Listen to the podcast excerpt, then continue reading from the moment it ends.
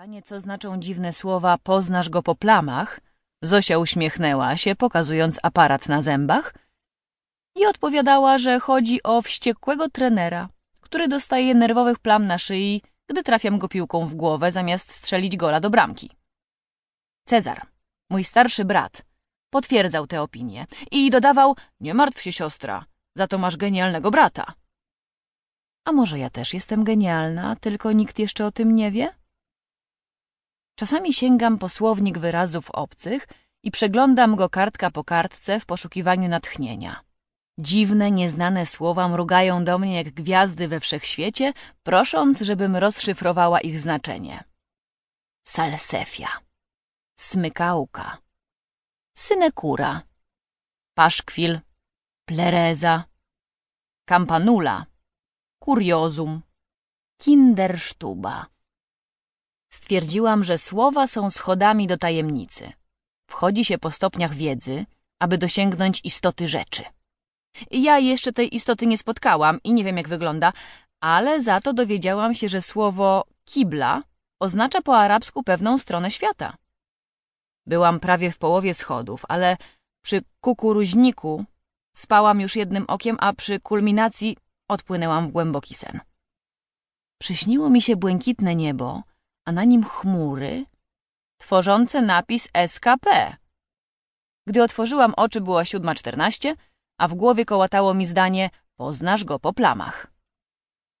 Jeśli ktokolwiek myśli, że potrafię tylko siedzieć przed komputerem i korespondować na Facebooku, to znaczy, że mnie wcale nie zna. Uwielbiam jeździć na rolkach i na rowerze, pisuję wiersze na ścianie i w myślach, podobnie jak Jagoda, mam duszę artysty a każdy artysta musi być trochę nieszczęśliwy, żeby mieć wenę. Cierpię więc z powodu trądziku, nadmiaru nauki i wystających żeber, które zawdzięczam temu, że urodziłam się o miesiąc za wcześnie. Mama wprawdzie podawała mi zalecane dawki witaminy D3, ale żebra i tak rosły według własnej fantazji i teraz wystają ze mnie jak kaloryfer ze ściany. Nikt nie patrzy na mój płaski, wysportowany brzuch, tylko na te nieszczęsne żebra. Mama mówi, że piękno nie polega na doskonałości, tylko na tym, że coś jest lekko zwichrowane i przez to właśnie ciekawe.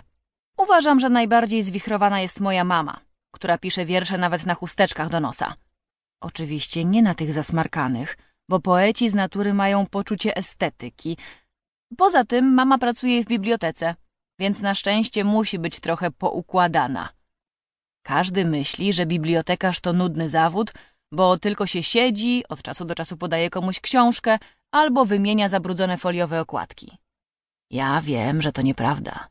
Wiele razy byłam u mamy w pracy i podziwiam ją za to, że wie, gdzie szukać informacji o dysku Sfajstos lub o merkantylizmie w polityce Polski. Nigdy nie myli lektury dziady z lekturą chłopi, a dla mnie to prawie jedno i to samo. W bibliotece jest tyle rzeczy do zrobienia, że czasami brakuje czasu na wypożyczanie książek. Ostatnio, z okazji Dnia Zakochanych, mama zawiesiła pod sufitem dziesiątki malutkich kopert, a w każdej z nich schowany był wiersz o miłości. Czytelnik mógł zerwać taką kopertę jak gwiazdkę z nieba i zanieść temu, kogo kocha. Ale to nie wszystko. Mama kazała mi przyozdobić koperty odciskiem ust, bo podobno to właśnie ja mam najbardziej całuśne usta w rodzinie. Musiałam pocałować pięćdziesiąt sześć kopert – i czułam się przy tym jak wariatka. Może każą tak robić paniom na poczcie zamiast przybijania pieczątek. Ale był też plus całej sytuacji, bo mogłam bezkarnie używać różnych kolorów szminek, począwszy od morelowej, różowej z brokatem, arbuzowej bez brokatu, a skończywszy na cudownej makowej czerwieni. Tak, czerwony całus prezentował się najpiękniej na kopertach w kolorze bieli i kości słoniowej. Dziesięć kopert pocałowała Zosia, bo mnie o to prosiła, a Jagoda stwierdziła, że po stokroć woli całować końskie chrapy niż głupi papier. A potem na jednej z kopert zauważyłam jej odciśnięte usta. Pewnie zabierze ją do Dąbrówki dla swojego ukochanego konia Szoguna, żeby mu wyznać miłość. Jagoda jest bowiem koniarą z krwi i kości oraz całej duszy, chociaż kiedyś brzydziła się dotknąć nawet końskiej grzywy. Dzisiaj zaskoczyła mnie pewnym pomysłem.